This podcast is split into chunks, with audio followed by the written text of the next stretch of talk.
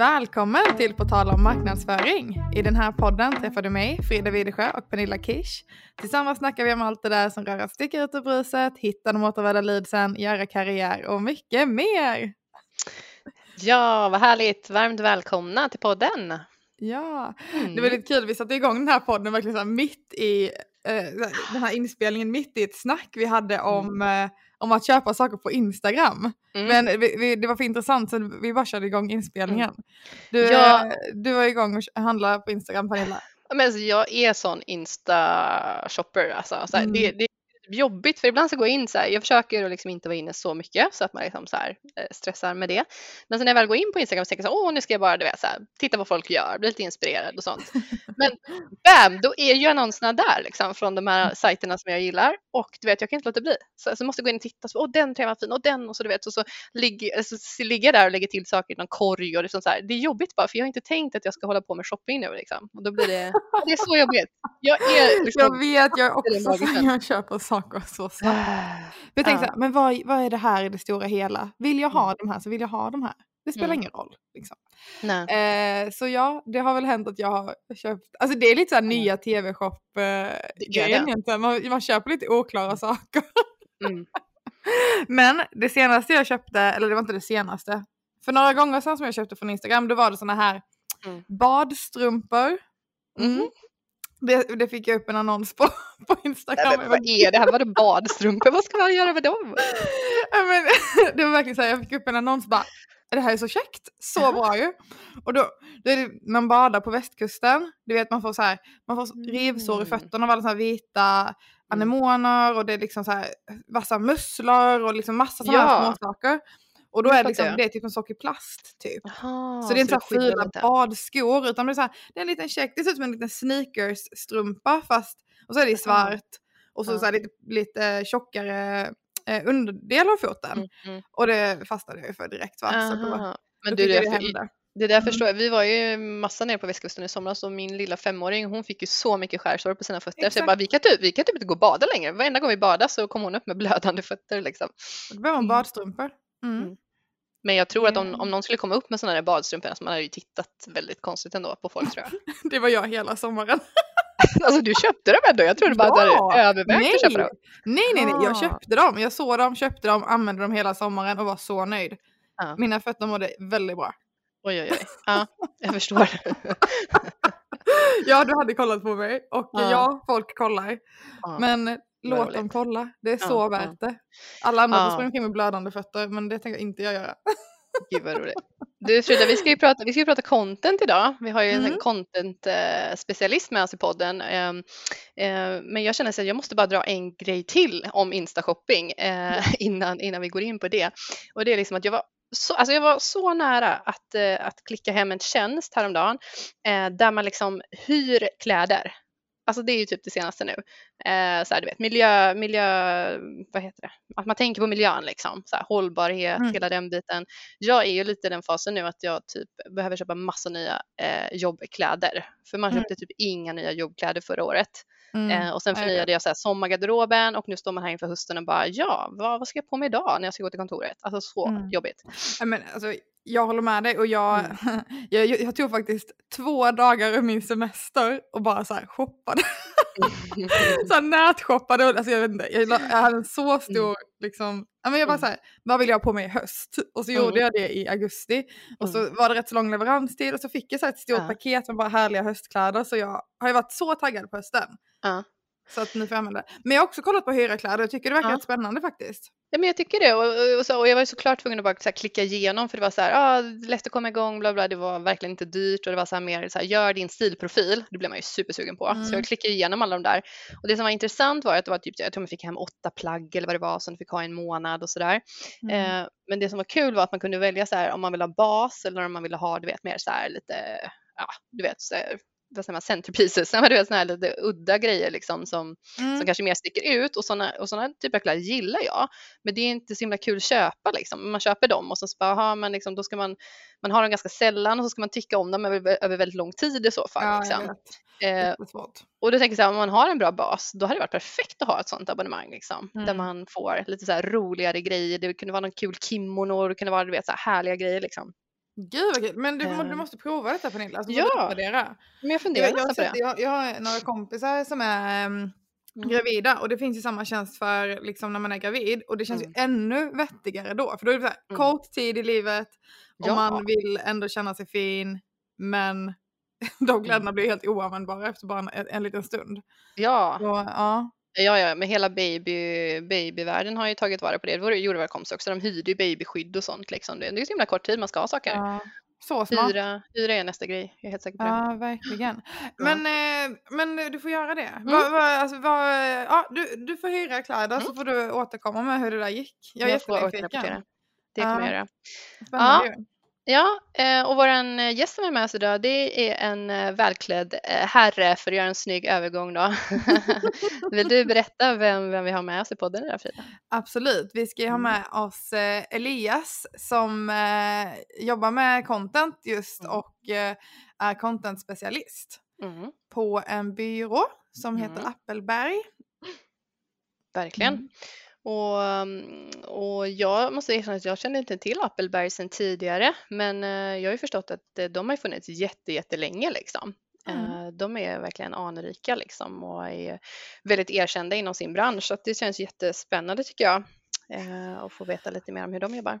Absolut, och det, jag tycker Mm. det är lite extra roligt med, med just Elias, det är att vi, vi fick faktiskt kontakt via LinkedIn eh, Mm. på eh, något inlägg han la ut som jag kommenterade på och sen så Mm. Liksom så här, och det, jag tycker det är så spännande med hela den här eh, grejen att eh, man, eh, man träffas på, på nätet och liksom verkligen eh, bygger Mm. massa kontakter. Superspännande. Ja. Men vad heter det, någonting som jag har funderat på som en en återkommande fråga som vi varit uppe i podden innan och med lite olika Mm. gäster. Men det är bara för att det ligger så top of mind hos, hos mig. Det är ju det här öppet och låst content. Nu tycker jag Mm. du, vi, vi måste prata med Elias om det. Ja, Ehm, så eh, får vi se.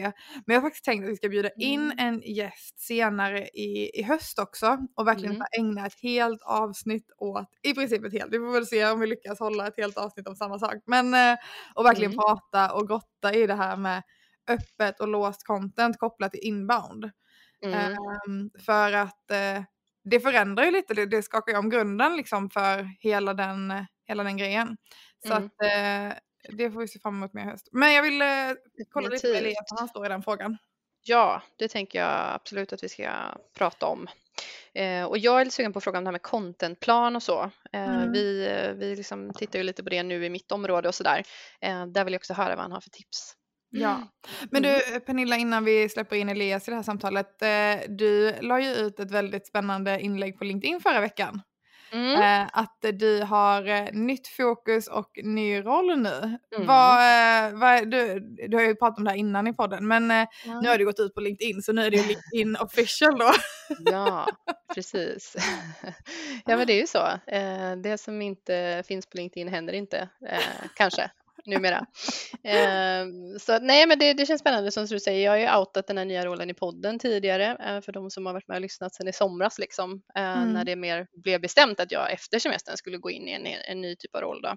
Eh, Så det känns jättekul att vi är där nu och jag har liksom ändå jobbat eh, ganska mycket med det här nu i två månader liksom för att komma Mm. in i det. Eh, och det har varit jätte, jätteroligt. Alltså det är så Mm. kul. Jag älskar de här produkterna som är, som är i vårt affärsområde. Som är de här liksom, eh, våra kunders, eh, kunders liksom, vad de upplever, alltså deras Mm. typ av kundupplevelse som vi hjälper till att bygga. Så det känns Mm. som riktigt roliga grejer och jag ser bara fram emot att liksom köra på nu. Nu, Mm.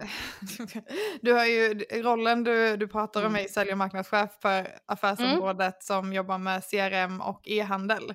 Ja. Ehm, så, Tack för att du och det, det är ju verkligen kunders kunder. Ja. Mm. Ja, men det är kunders kunder och, och liksom även applikationsutveckling och integration och sådär. Alltså Mm. hur, hur system ska snacka med varandra och så. Och det, det tycker jag är en sån grej som, som jag märker verkligen. Alltså integration, där, där har vi grejer att, att, att lära ut och utbilda våra kunder i Mm. eh, när det kommer just till CRM-köp och e-handel och sådär. Det är många som liksom har en bild av vad integration är Mm. eh, som kanske är lite skev. Liksom. Eh, Mm. Så att, eh, det, det har jag lärt mig bara på de här två månaderna. Liksom. Mm. Eh, att det finns en missmatch där i förväntan. Liksom. Um, så det, nej, det känns jätte, jättespännande. Och anledningen till att jag väljer att gå ut med det på LinkedIn och uppdatera det är ju också för att jag eh, är ju sugen på att fortsätta med mitt social selling. Eh, mm. Lite, alltså, jag vet inte, jag blir så inspirerad nu när jag stjärnsäljer på det här liksom också. Eh, att ta tag i det där och jag kände det att men det är inte tillräckligt tydligt vad jag gör eller vad jag gjorde innan. Mm. Så nu vill jag Så du är ett högt medvetet val här mm. att så, här, så nu, mm. nu ska du vara lite tydligare med vad det Mm. ditt jobb och din titel innebär. För innan hade du en lite fluffigare roll som kanske inte är lika befäst exakt vad det innebär. Nej. Det var lite så lead generation och lite sådär. Ja, det var ju det och, det och det var också en fluffigare roll och en mm. väldigt bred roll ju. Alltså så här, mm. att jag jobbade med alla delar av Excitex erbjudande och sådär. Mm. Eh, så nu vill jag att det ska vara tydligt också vad, vad jag gör och vad vi kan hjälpa till med. Eh, definitivt, det är ju det som är målet liksom. Kul! Mm. ja, skoj. väldigt spännande. Så mm. riktigt så stora saker har inte hänt på min sida. Vi, vi roddar på eh, mm. här. Och, Med norskt eh, wifi. Ja, ja det, det har varit en stående puck. Det har varit lite mm. svajigt sista veckorna här, vilket är inte optimalt när man spelar in webbinar och poddar och massa Nej. olika saker. Så att, eh, det har varit en, en extra stressfaktor, absolut. Mm. Men eh, det går bra. Det, mm. det är höst på riktigt och eh, nu, nu känns det som att det är så mycket igång att det mm. sprutar saker åt höger och vänster verkligen. Så att, mm. äh, ja. Men vadå, har ni höst nu i Oslo? För du la ju ut att Oslo var det nya Mallorca, ni hade 27 grader. Jag trodde alltid, ja, att det alltid var 27 jag, grader jag, i Oslo. Jag, verkligheten smällde mig i ansiktet här. Nej men alltså jag, alltså, mm. ja. Det har regnat så mycket att jag har haft en natt på mm. hotellet då, där jag mm. bor just nu. Eh, som är, det var jag som, jag var nere i receptionen vid klockan två i natt och bad om mm. öronproppar om vi säger så. Oj! det är ändå stort. ja, jag hade en natt. Nej, men jag är så känslig när jag sover och det ska vara tyst och mörkt och, och, och det regnade och smattrade på eh, så här, fönsterblecket på ett mm. sätt som eh, jag inte riktigt klarade av. Jag kände mig lite så här halvt så här galen där ett tag efter att ha legat vaken i två timmar och lyssnat på smattor. Och inte så här, jag hade så en kudde över huvudet, tryckte ner oh, huvudet i madrassen, man fick inte stängt ut det. Jag skulle gått ner till receptionen tidigare om vi säger så. Så ja. där får jag skylla mig själv lite. Just det, men, så ja. du, du är känslig när du sover men du är också känslig när du inte sover då kan man säga. Du sover inte så mycket. Nej. Absolut. Mm, mm. Ja, men, det, men eh, det är bra för dig då att du höstshoppar eh, mitt i juli på din semester då så att du ändå mm. liksom är redo nu då när hösten Absolut. har kommit. Mm. Ja, mm. jag, jag har väl ett visst drag av eh, strukturerad i mig och planerande. Mm. Det får jag verkligen säga. Ja, men eh, Pernilla, nu tycker jag det är dags att vi börjar snacka lite med Elias också. Ja, nu bjuder vi in Elias i samtalet. Välkommen Elias! Stort tack! Härligt att få vara här. Kul att ha dig med. Hur känns det att vara med i podden? Jo, men det känns, eh, det känns superspännande. Vi, äntligen får man säga. Vi har eh, behövt skjuta på det någon, någon vända sådär. Så att jag har gått och varit, eh, sett väldigt mycket fram emot det här under, eh, under ett par veckor. Men nu så äntligen får vi till det. Härligt. Gud vad härligt att höra. Och är det första podden du är med i? Jag har varit med i, jag vet inte om ni har hört talas om någonting som heter Work-podden. Eh, har, har, ni koll på den? Ja, jag, jag tror jag har eh, sneglat inom den någon gång. Mm. Ja, men den, den var jag med på i ett avsnitt faktiskt efter min tid i Dubai.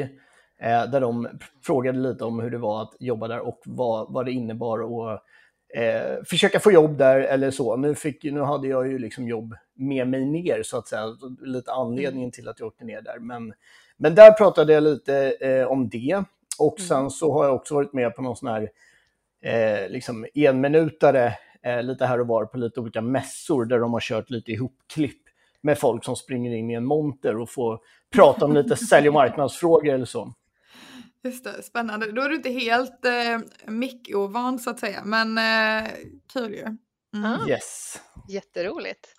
Ja, jag är ju på att den här podden som, eh, som den stora content-podden, idag ska vi prata content framför allt och sen är vi också sugna på att höra lite om dina karriärval och sådär såklart Elias. Eh, men varför ska vi prata content då? Jo men det är ju för att du jobbar eh, som sales manager på ett bolag som heter Appelberg. Kan inte du berätta vad Appelberg är för bolag? Mm, ja men absolut. Appelberg är en, ett content marketing-företag som en byrå, eh, fullservicebyrå som har funnits i över 30 år. Eh, är idag en del av Cabon som är en grupp med fem stycken bolag. Det hette Media Planet Group tills eh, ganska, ja, ganska nyligen här, inför sommaren så, så bytte vi eh, mm. till Cabon Group. För att, eh, och i den gruppen då så är det alltså, jag jobbar på Appelberg, eh, så det är mm. Appelberg och sen så är det Media Planet, det är Newsner, N365 och sen så har vi också i samband med att vi bytte det gruppnamnet så eh, förvärvade vi också ett bolag som heter Splay One som är liksom ett eh, influencer eh, marketingbolag, eller ett YouTube-nätverksbolag kan man säga, eh, med mm. influencers.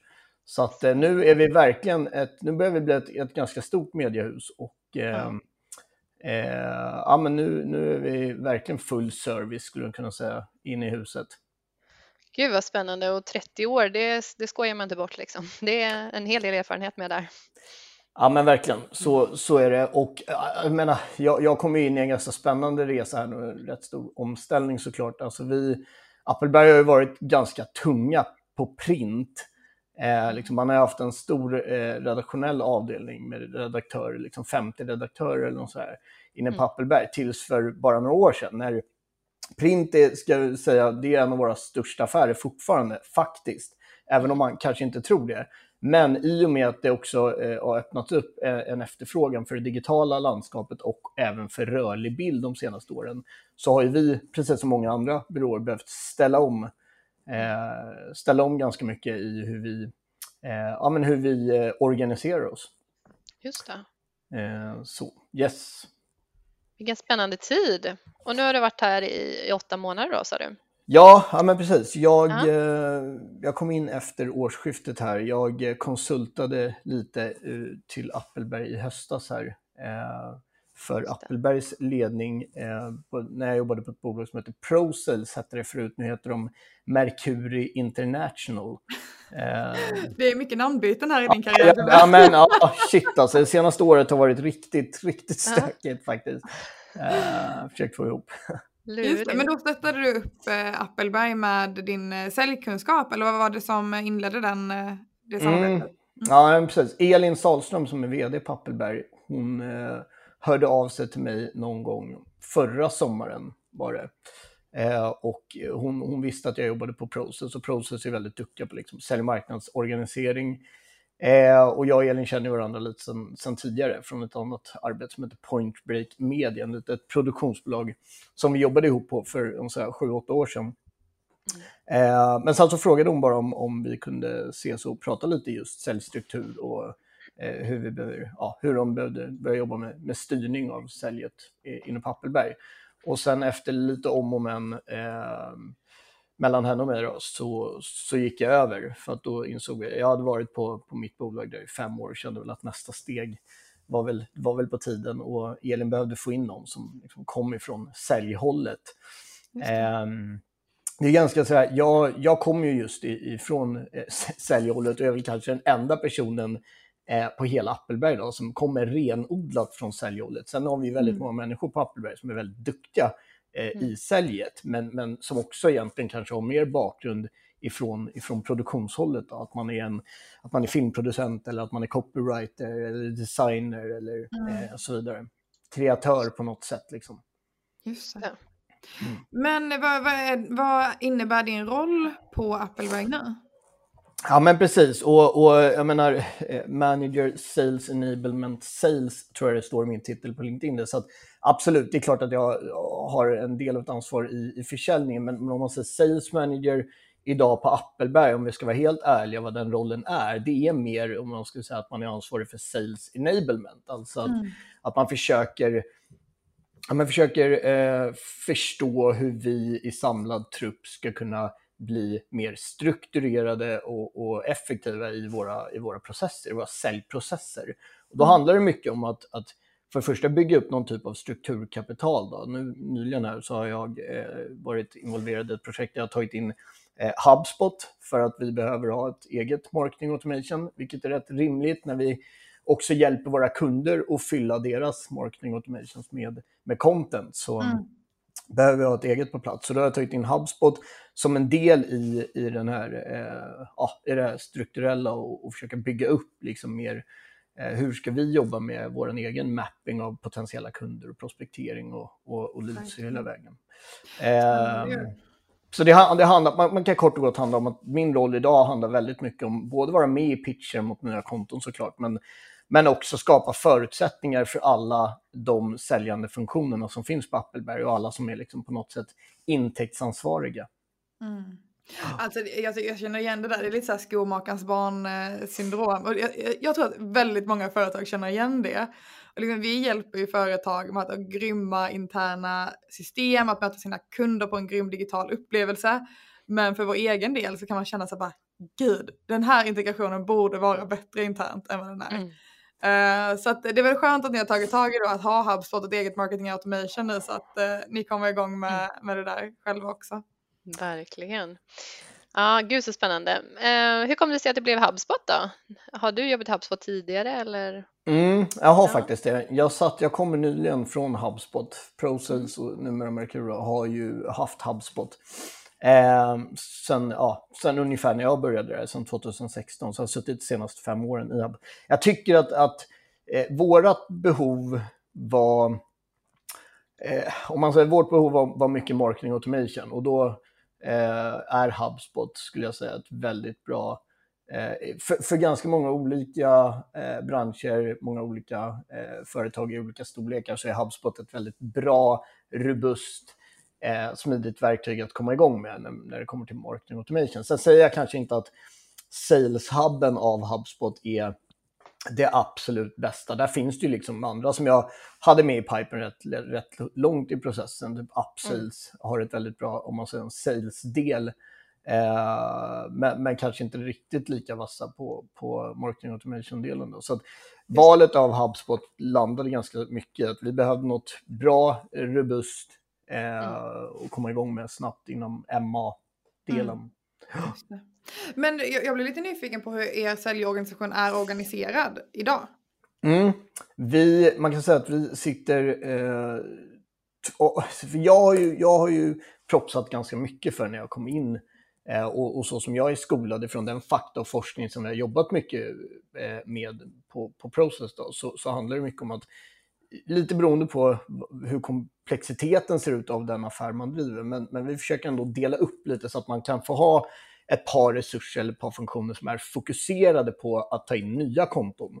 Och sen ett par eh, personer som faktiskt är fokuserade på att ta hand om befintliga konton, liksom få dem att växa och eh, supporta i, med allt vad det innebär i, i, i de eh, i de rollerna, eller relationerna kan man säga. Så att, eh, jag propsar rätt hårt för att vi, vi behöver någonstans eh, särskilja på det. Så att idag är vi uppdelade ett par personer, två, tre personer på eh, nykundsidan. och sen så har vi, eh, om man säger kundansvariga, en fem, sex, eh, sju personer kanske på bolaget eh, som sitter med befintliga kunder idag. Och sen så är det ju så att varje team har en person som är teamchef som också är intäktsansvarig för det, för det teamet. Då. Så att vi är uppdelade i fem olika team kan man säga. Vi är uppdelade i eh, något som vi kallar för design. Eh, vi är uppdelade i något som vi kallar för strategi, distribution. Eh, vi har det redaktionella teamet, alltså eh, redaktörsteamet, ja. om man säger, copy-teamet. Och sen så har vi också filmteamet. Mm. Eh, och sen så har vi ett sälj, sälj och marknadsteam. Så att ja. vi jobbar liksom teambaserat hela vägen runt nu i organisationen, vilket känns, eh, ja, men det känns superbra att vi, eh, och, och strukturerat faktiskt, att, att, vi, att vi har valt att göra så. Just det. Var, såg du annorlunda ut innan du kom in eh, som säljchef eller vad man kallar Nej, jag, jag, skulle säga att det är så eh, de har jobbat, mm. om jag förstår rätt. Liksom, det är så de har jobbat de senaste åren. Nu kanske det blir, det kanske är så att, att vi i och med det här och att vi gör en satsning nu själva i hur vi ser på vår sälj och marknadsstruktur, att, att, att det blir lite mer tydligt kanske. Det blir ja. kanske lite mer tydliga roller. Framförallt nu, det som har hänt sista tiden, det är att vi också har byggt upp ett, ett marknadsteam in hos oss. Det har mm. vi inte haft i, i den, liksom, eh, på det sättet förut, utan vi har haft personer som har varit ansvariga för olika delar av vår egen interna marknadsföring. Mm. Eh, men, men nu har vi liksom ett, ett, ett gediget Eh, team som ska axla allt vad det innebär. Liksom. Just Just så, men hur tänker ni kring det? För du kommer ju mer från säljhållet och liksom jobbar mycket kring det såklart. Hur tänker du kring det här med att jobba liksom nära marknad och, och att det är en, en del av säljet? Ja, men det är, ja, är det någonting man har drillats av sista åren här eh, när jag har jobbat mycket med och, och framförallt när jag har hjälpt andra alltså chefer på, på andra företag att eh, hur man ska förhålla sig till den frågan, så är det ju, det är ju, det är ju super, superviktigt. Och det är ju mm. också den frågan som har varit, kanske haft mest fokus sista åren med just säljmarknadsintegrering. Och ska man vara helt ärlig så, jag var på en, eh, jag var på en träff igår. Eh, Process som jag mm. jobbade på har drivit och driver, eh, Mercury Research heter det idag, driver ett nätverk som heter Process Network förut med så 250 chefer inom säljmarknad Mm. som får eh, lyssna på inspirerade, inspirerande gästföreläsare och också eh, att man får ta del av, av Mercuries forskning då, på, olika teman. Och så. Men då hade vi i alla fall en eh, kille som är hållit på och liksom forskat och jobbat med robotar väldigt länge, men också håller på med virtual reality, alltså VR.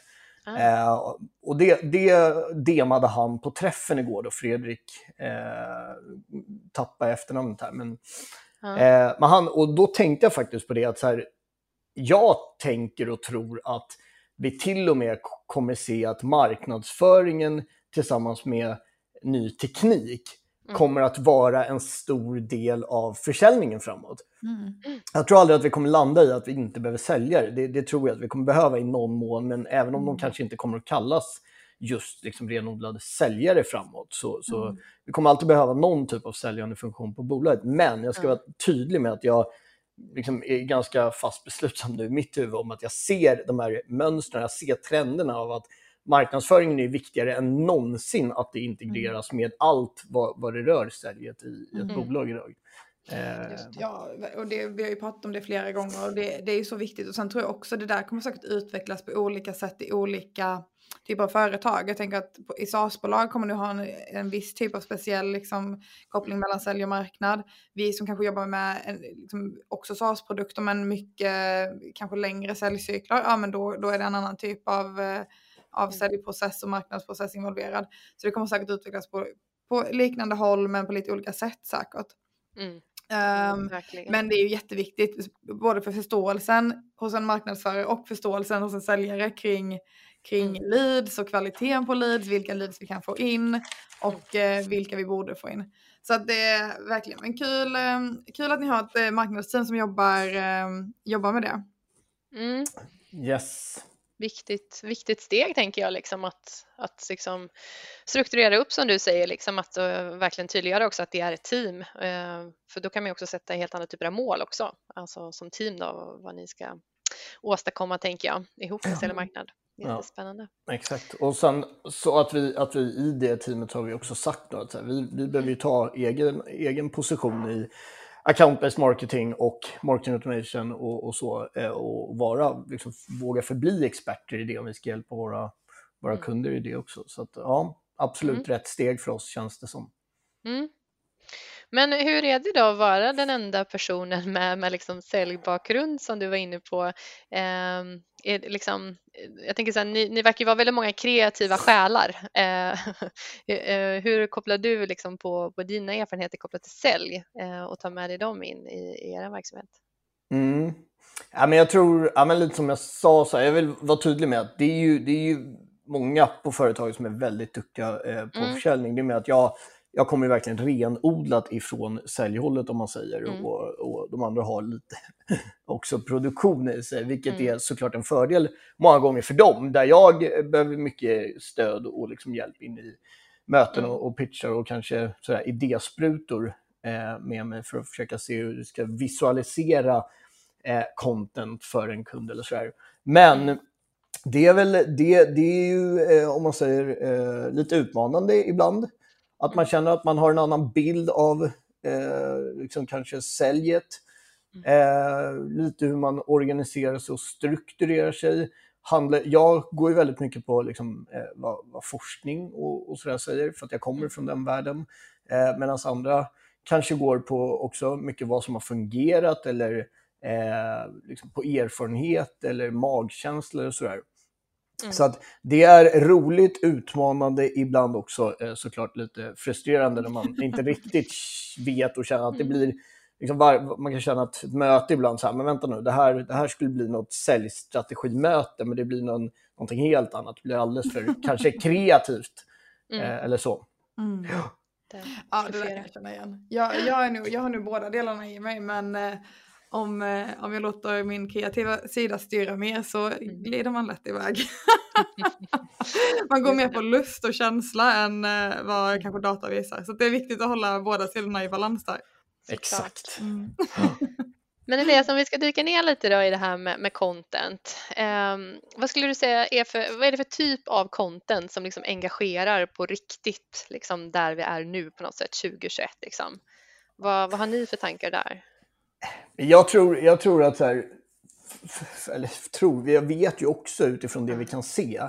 Så jag menar, jag vill inte sitta i en podd nu och hålla på och tjata om målgruppsanalyser, men, men någonstans så landar det i, i mm. det ändå, att man måste verkligen förstå, man måste verkligen känna sin, sin målgrupp. Liksom. Mm. Vilka är det man vill, man vill nå ut till? För att, att göra något generiskt nu, det finns liksom alldeles för mycket content online mm. för att man ska eh, attraheras eller inspireras av det här lite mer generiska. Utan man behöver känna sin målgrupp, men sen behöver man också man behöver liksom bygga upp trovärdigt content. Det finns alldeles för mycket av eh, liksom sånt som man kan säga ah, saker som är förutsägbara eller mm.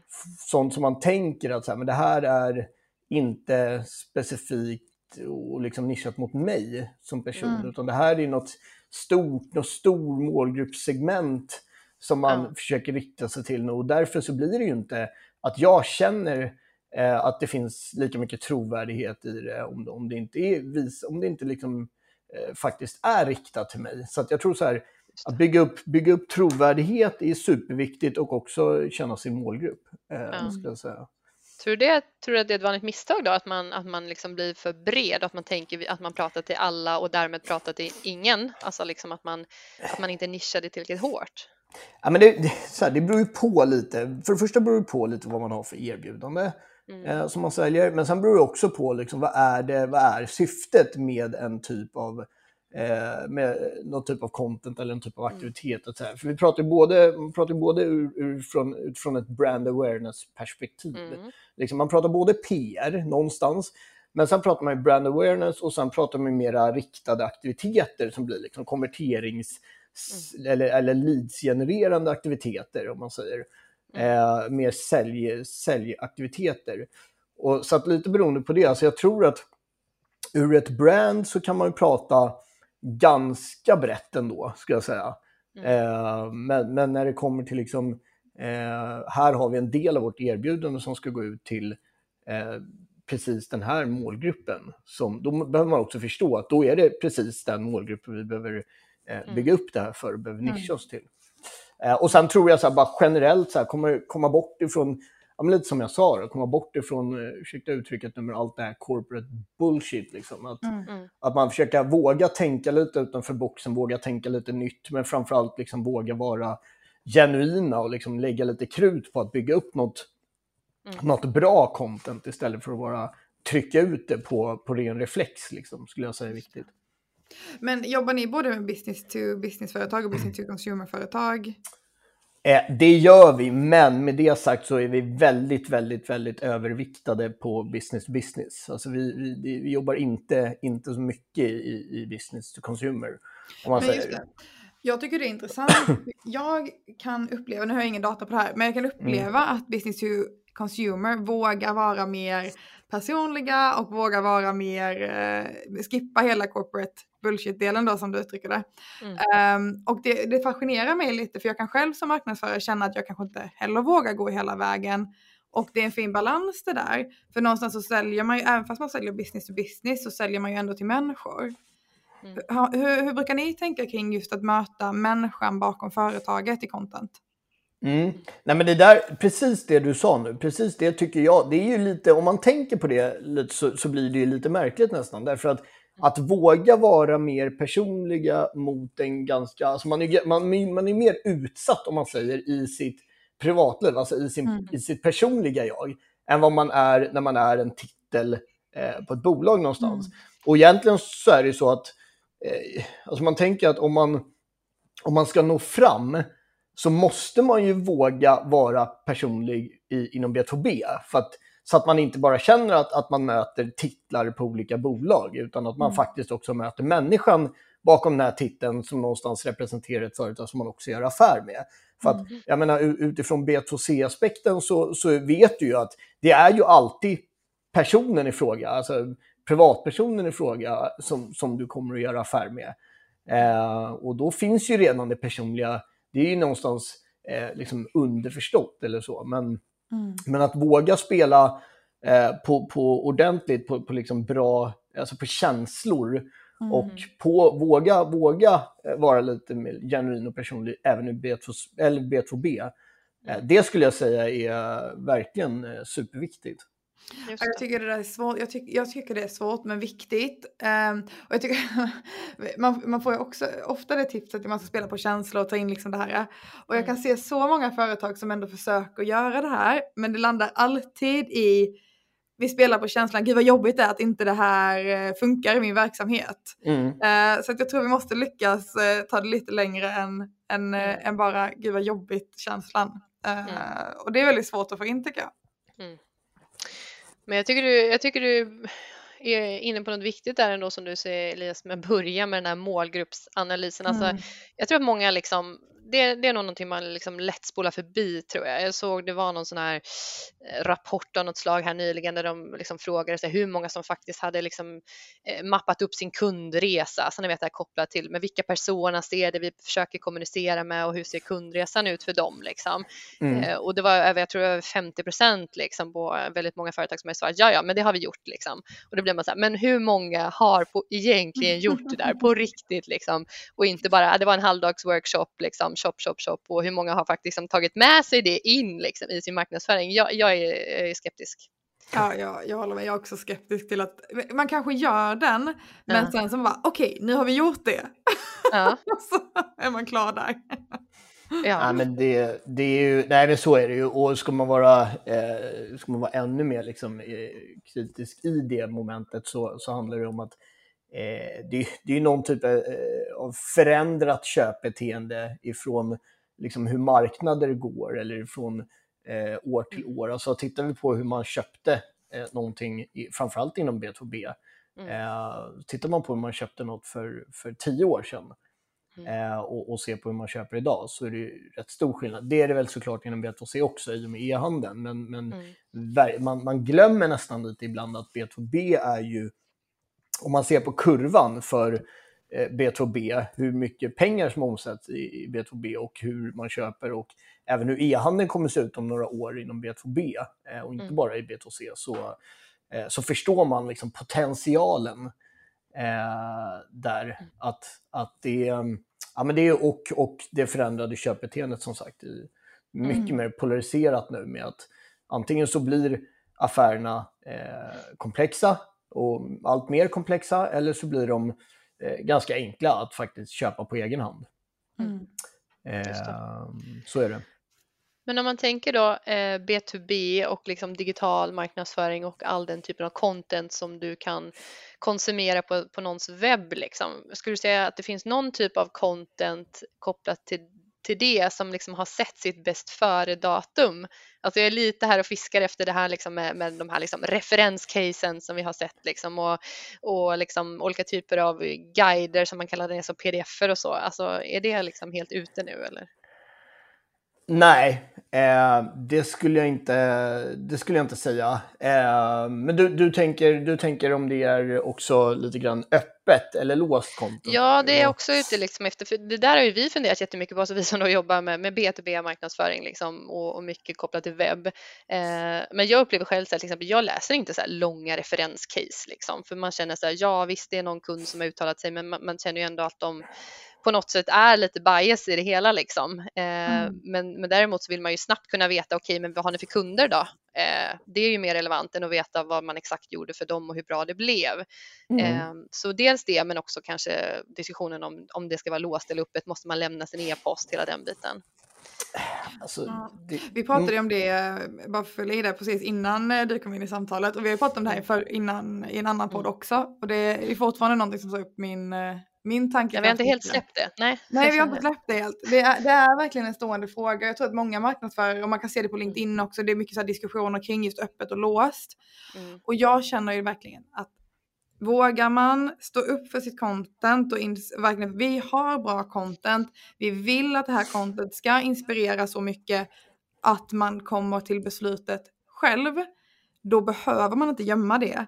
Men samtidigt, hela inboundresan är uppbyggd på att man måste få till en mailadress i början för att kunna göra allt det här som systemet ska klara av att automatisera bakom. Så det är mm. verkligen att väga två stora frågor mot varandra. Mm. Ja, men så, så är det väl verkligen. Och, och ska man säga så här, nej, eh, det är ju absolut eh, inte så att... Eh, oj, nu ska jag se, nu hör jag mig själv lite här dubbelt. Eh, ska se om det blir bättre. Eh, nej, men det, det, är absolut inte så att vi ser att, att det på något sätt är dött eh, med att och ha, eh, om man säger case på sidan eller så som man kan bjuda på. Alltså referenscase är något som är jätte, jätteviktigt. Att ha långa texter exempelvis för referenscase, det är kanske inte det vi eh, propsar för mest hos våra kunder, utan snarare att rörlig bild eh, mm. är någonting som ger mer, bygger mer förtroende. Mm. Eh, och och eh, ja, men bygger mer förståelse och bygger mer förtroende. Det går mycket, mycket lättare att anspela på känslor, mm. eh, exempelvis med rörlig bild. Och nej, du har väl rätt. Det finns väl kanske inte liksom, någon som egentligen vill sätta sig och läsa eh, ett, ett långt referenskrets, om man inte väldigt sådär där och då är specifikt intresserad av hur, hur mm. eh, någonting har gått, eller alltså ett best, mm. be, best practice case. Och så här. Men så ska jag säga också, det beror, just det här med låst och öppet pratar man om. Mm. För att så här, hur mycket är man villig att ge ifrån sig som besökare på en hemsida? Mm. Eh, och där skulle jag säga att det, det är såklart lite beroende på vad, vad företaget som man är inne hos kan, kan bjuda på. Eh, men, men där skulle jag säga att ja, vi behöver ju ha någon typ av uppgift för att kunna eh, tracka och kunna spåra och kunna göra vettiga saker utifrån ett marketing automation perspektiv. Mm. Men jag ska säga att om, om du inte är villig att ge ifrån dig någon typ av värde, då måste du nästan tänka till lite på, på din egen affär, så att säga, vad, mm. vad det är för affär du driver. För att jag kan förstå att man, om det är så att jag säljer advice inom, alltså jag är säljkonsult eller så här, mm. ja, men då kanske inte jag vill bjuda på att jag ger, ger liksom ifrån mig allt det som jag egentligen tar betalt för att lära ut. Mm. Eh, utan då kanske man ger någon liten sådär eh, giveaway eller att man får någon känsla för vad det här skulle kunna leda till för, mm. eh, för typ av förbättringar eller för typ av lönsamhet. Men däremot, här, om man har en affär som vi har exempelvis, som handlar om att mm. hjälpa våra kunder med, med content, då ger vi gladeligen ifrån oss liksom tips och tricks och tankar och idéer. För det handlar ju för oss också om att förbereda vår målgrupp så långt vi bara kan förbereda dem på tills de någonstans kommer till eh, också själva insikten med att de, de behöver hjälp med, med mm. vissa saker ur deras contentplan. Det kommer de liksom inte kunna fixa själva för att de, mm. är inte, de är inte själva specialister. Det spelar ingen roll om man har en inhousebyrå om den inte är väldigt, väldigt stor. Men, men så är det inte för mm. många, för de allra mm. flesta. Utan, eh, utan man har en liten inhousebyrå, eventuellt om man ens har det. Eh, och där kommer man ju kunna fixa alla de här sakerna som är liksom good enough content. Mm. Men ska man upp på nivåer där man vill göra content på riktigt, då tar man ofta in en byrå därför att vi har all spetskompetens inne på byrån. Vi, vi har gjort det här så många gånger under så många år och vi mm. vet exakt vilka känslor det vi behöver ta fram och hur vi tar fram dem. Eh, mm. och hur vi får dem att landa rätt i, i kanaler mot rätt målgrupp. Liksom. Mm. Hur mycket av det content som ni tar fram då åt era kunder är i liksom formatet video skulle du säga? Alltså har du någon känsla där liksom? Ja, nej, men det, det är väldigt mycket. Eh, såklart. Eh, och det är ju just för att, jag menar, det handlar ju både om så här, vad kan du, vad kan du få, få ut för, eh, liksom rent förtroendemässigt och eh, hur tydligt blir det och att man upplever, man, man ser liksom film, mm. gärna läser av film på ett helt annat sätt än man läser av text. Med det sagt så kommer hjärnan ofta ihåg text. Eh, text sätter sig liksom bättre eh, i hjärnan än vad en film gör. Men, men du får ut mycket mer av en film och dessutom så krävs det inte så mycket för, för den som ska se det. Du, Mm, behöver, liksom, du behöver bara sitta och, och kika in i skärmen. Du behöver liksom inte hålla på och bläddra eller scrolla eller eh, göra någon egen ansträngning. Eh, för Ja. att, så att det är väldigt, eh, väldigt mycket videos. Men sen är det ju sen är det också så att vi märker att, att om man vill få attention så, så tar ju rörligt över eh, Mm. mer och mer. Eh, så att ja. Men, men med det sagt som jag sa innan, alltså det är ju fortfarande det är mycket print alltså. Eh, Mm. mer, än vad man, mer än vad jag ens kunde ana när jag började på Appelberg så kände jag så här, men print är väl ganska Mm. dött ändå. Men det är, det är det ju inte. Det är många som har tidningar kvar, alltså magazines och sådär. Ja. Men hur med, det, det är jag intresserad av. Vad, vad för typ av print hjälper ni till med? Ja, men det är, det är mycket eh, liksom eh, organisationstidningar, om man säger allt ifrån, eh, liksom, allt ifrån fackligt till inom tung industri, att det finns något, någon, någon, någon typ av intresseorganisation eller, eller så som gör att man... Sen är det ju fortfarande så att det kan vara allt ifrån liksom inredning till mode eller Eh, ni vet, det, det är ju fortfarande väldigt populärt att, Mm. att köra magazines på det. Det finns en anledning till det. Liksom. Mm. Det kan vara olika liksom, teknikföretag eller så som har någon eh, branschtidning eller, eller vad det kan vara. Just det, men stöttar ni då kunden, då är kunden de som eh, har ti- tidningen så ni stöttar i hela liksom, i, allt innehåll i tidningen så att säga?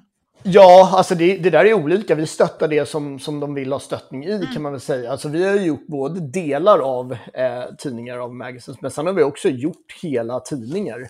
Mm. Eh, det, är därifrån vi, det är därifrån vi kommer rätt starkt om man säger. Ja. Appelbergs sista, eh, liksom, ja, första eh, 10-15 åren så är det väl mycket därifrån vi kommer. Att vi har varit väldigt, väldigt duktiga på att, att eh, både designa och, och skriva, liksom rent copymässigt, eh, driva eh, innehåll i tidningar och både som sagt då, både ut mot företagen direkt men också om man säger mellanhand, liksom någon intresseorganisation eller branschorganisation eller så.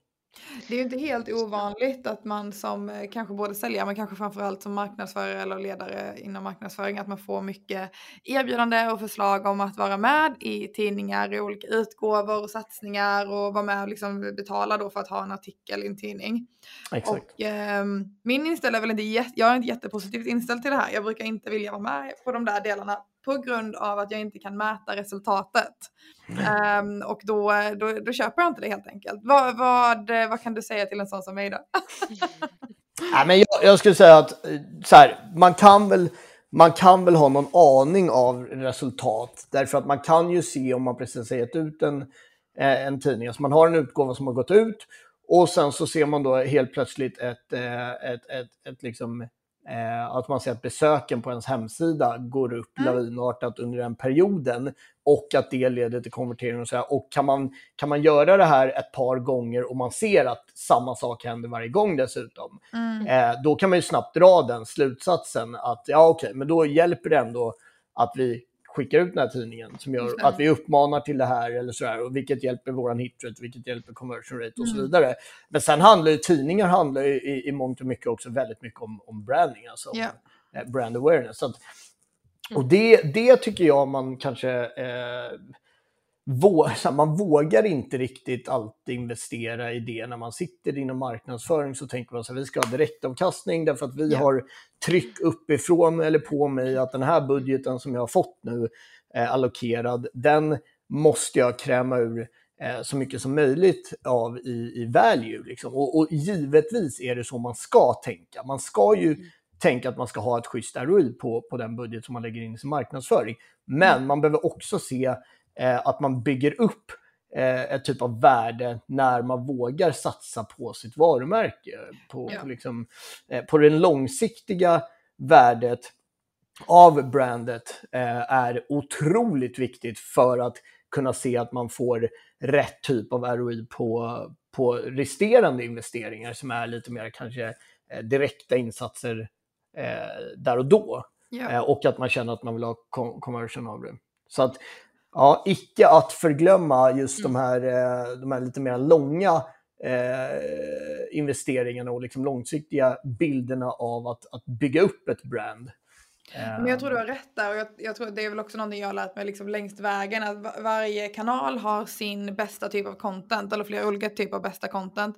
Mm. Men saker som funkar bra på en kanal behöver inte funka bra på en annan kanal även fast det är samma målgrupp. Man kan liksom inte ta samma typ av mm. content till en målgrupp och säga att detta är contentet för målgruppen. Det är också kanalberoende.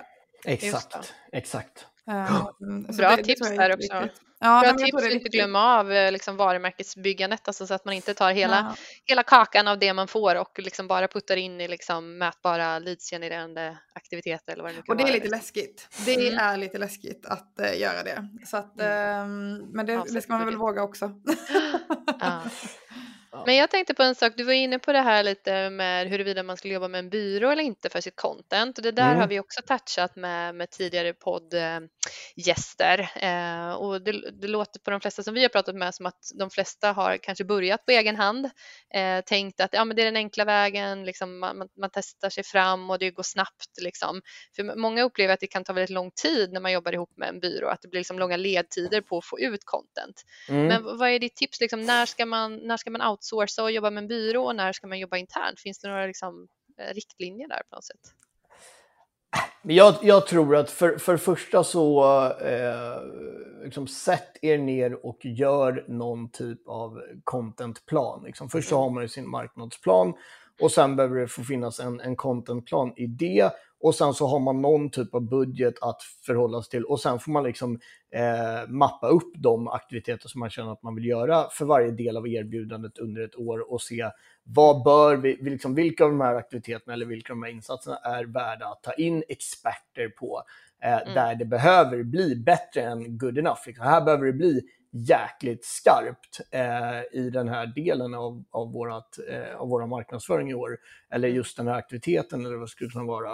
Eh, så att, så att både sådär fördela ut över, över en contentplan, fördela ut eh, och få en, en, en överblick direkt över så vad, vad har vi för pengar att röra oss med? Vad har vi för tid, inte minst? Liksom, det är tidsbrist ofta när folk kommer till oss att ja, men vi har faktiskt lite interna resurser, men vi hinner inte göra allting själva. Så att vi vill att ni skriver de här artiklarna eller eh, skriver lite white papers. Eller liksom, och framförallt så här, eh, det, det, finns delar av marknadsföring som man kan göra som, är, som, är, som kan bli good enough. Liksom. Mm. Det ska man inte glömma. Att, tänk inte att allting behöver vara superperfekt, utan så länge det är Ja, men så länge det är genomtänkt till varför man gör något och har ett tydligt syfte och sådär, då finns det mm. delar som, som är helt okej. Det är bättre att få ut det eh, än, att, än att inte våga få ut det.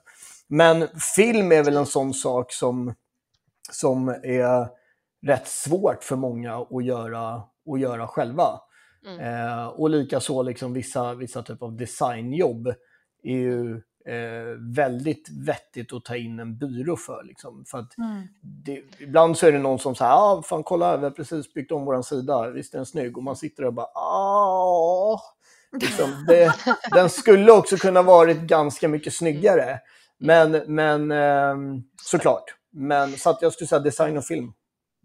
Men det var ju bra tips. Så kan man också tänka, liksom, att man kan köpa in vissa specifika tjänster. Alltså, dels om man inte har den specifika eh, resursen internt, men mm. också om, som du säger, att de här två sakerna är de som kanske oftast är riktigt svåra. Då skulle man kunna nyttja extern resurs för det. Mm. mm. Verkligen. Men den här contentplanen, den känner jag, den träffar mig lite Elias. Vi, vi ska sätta oss och göra någon typ av contentplan eh, för det här affärsområdet som jag jobbar i idag och, och vår marknadsavdelning. Vad ska man tänka på när man ska göra en contentplan då? Eh, nej men jag, jag eh, någonstans här, man behöver bygga upp en, en strategi, en idé och ett gehör in, internt. Det blir mycket mm. liksom, intern politik med att så här, vi behöver få den här budgeten eller vi behöver få den här tiden att också exekuta vår contentplan. För att sätta upp en contentplan, det låter ju skitbra. Och så mm. är det, för, för det första, så här, alldeles för få gör ju det överhuvudtaget. Men om man väl har tagit sig tiden att faktiskt sätta upp en contentplan, mm. att, att ha tydliga uppföljningar på det och att ha byggt sig ett eh, mandat och gehör internt på bolaget upp mot ledning kanske, att man också ska få exekuta den contentplanen och att det är väldigt, väldigt viktigt. Mm. Annars blir liksom all tid som man har lagt på att bygga den eh, som, som, att man har kastat det i sjön. Så att, eh, bygg den, eh, sätt ihop en tydlig liksom, eh, arbetsfördelning med, med liksom, rollbeskrivningar mm. i vem som gör vad i det här. Mm. Eh, och sen så, ehm, ja, eh, se till att exekuta och sen se, framför allt se till att följa upp. Se mm. till att följa upp och mät, mät, mät hela tiden. För att mm. det är en contentplan, där måste du också kunna känna att du kan vara agil. Alltså du kan inte sätta upp en contentplan och sen sitta och börja exekuta på den och så märker man att så här, men de här adsen eller mm. eh, det här, eh, vi har liksom helt fel optimering rent organiskt eller de här adsen, de sprang inte alls i mål på, med det resultat som vi ville. Mm. Då måste man kunna vara agil nog att kunna tänka om i sin contentplan. Liksom. Just det, vara lite mm. mjukgiknande. Men vad ska man ha för tidsspann då? Ska man liksom kvartal, halvårsvis, mm. årsvis eller det kanske också varierar väldigt? Ja, men, ja, men jag, tycker att man, jag tycker att man ska ha det liksom på årsbasis. Det är ofta så mm. folk får lagda budgetar, att man, mm. man har en årsbudget. Så jag tycker att man ska ha det på år. Men sen tycker jag att man också ska eh, splitta upp den i kvartal. Liksom. Mm. Eh, och kanske till och med på månad vissa gånger med, liksom, så att man har del, delaktiviteter eller delmål i den här årsplaneringen som man gör som är viktiga uppföljningar. Så vi, man tänker, vi följer, man har något, någon veckoavstämning eh, så att man ser att alla eh, fullföljer och eh, får till det som de ska göra i den här contentplanen.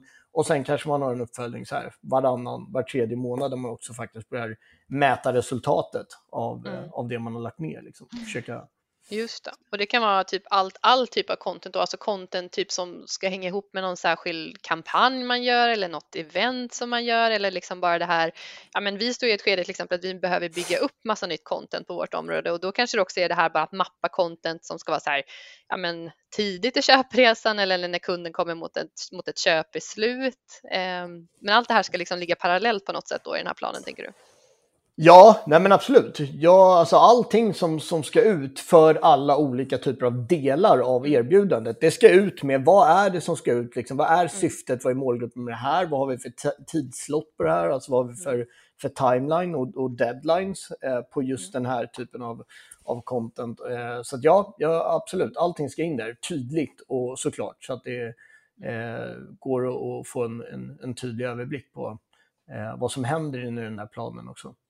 Mm. Superbra tips! Väldigt bra tips och väldigt bra tips att avsluta den här podden med. Stort mm. tack mm. för att du var med Elias!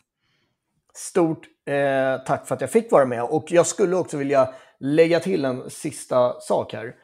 Eh, försök verkligen, verkligen i möjligaste mån att komma bort ifrån tjänst och produkt när man, när man liksom driver sin marknadsföring. Och för det är väldigt, väldigt många som fortfarande, och det är likadant i säljprocesserna, liksom. många som kommer in på ett möte och ska visa upp vad man har för produkt eller tjänst, fast det enda kunden sitter och är eager om och behöver, liksom, eller vill veta eller känna, det är ju vad, vad är det här för värde för mig? Och det är precis samma sak i marknadsföring. Mm. Liksom, för kom bort ifrån produkt eh, och liksom det fokuset och, och verkligen anspela istället på Eh, vad är det vi vill bygga upp för eh, drömmar eller vad är det vi vill bygga upp för känslor eller vad är det vi vill bygga upp för bild för målgruppen som kan någonstans lätta deras vardag eller att man får uppleva någonting eller så. Så att, ja. Vilket tips du levererar här på slutet Elias. Det var inte dåligt. Men eh, verkligen, det, det skriver vi också under på. Och, eh, tycker du som lyssnar att det här var intressant så ska du inte glömma att följa eller prenumerera på den här plattformen som du lyssnar på.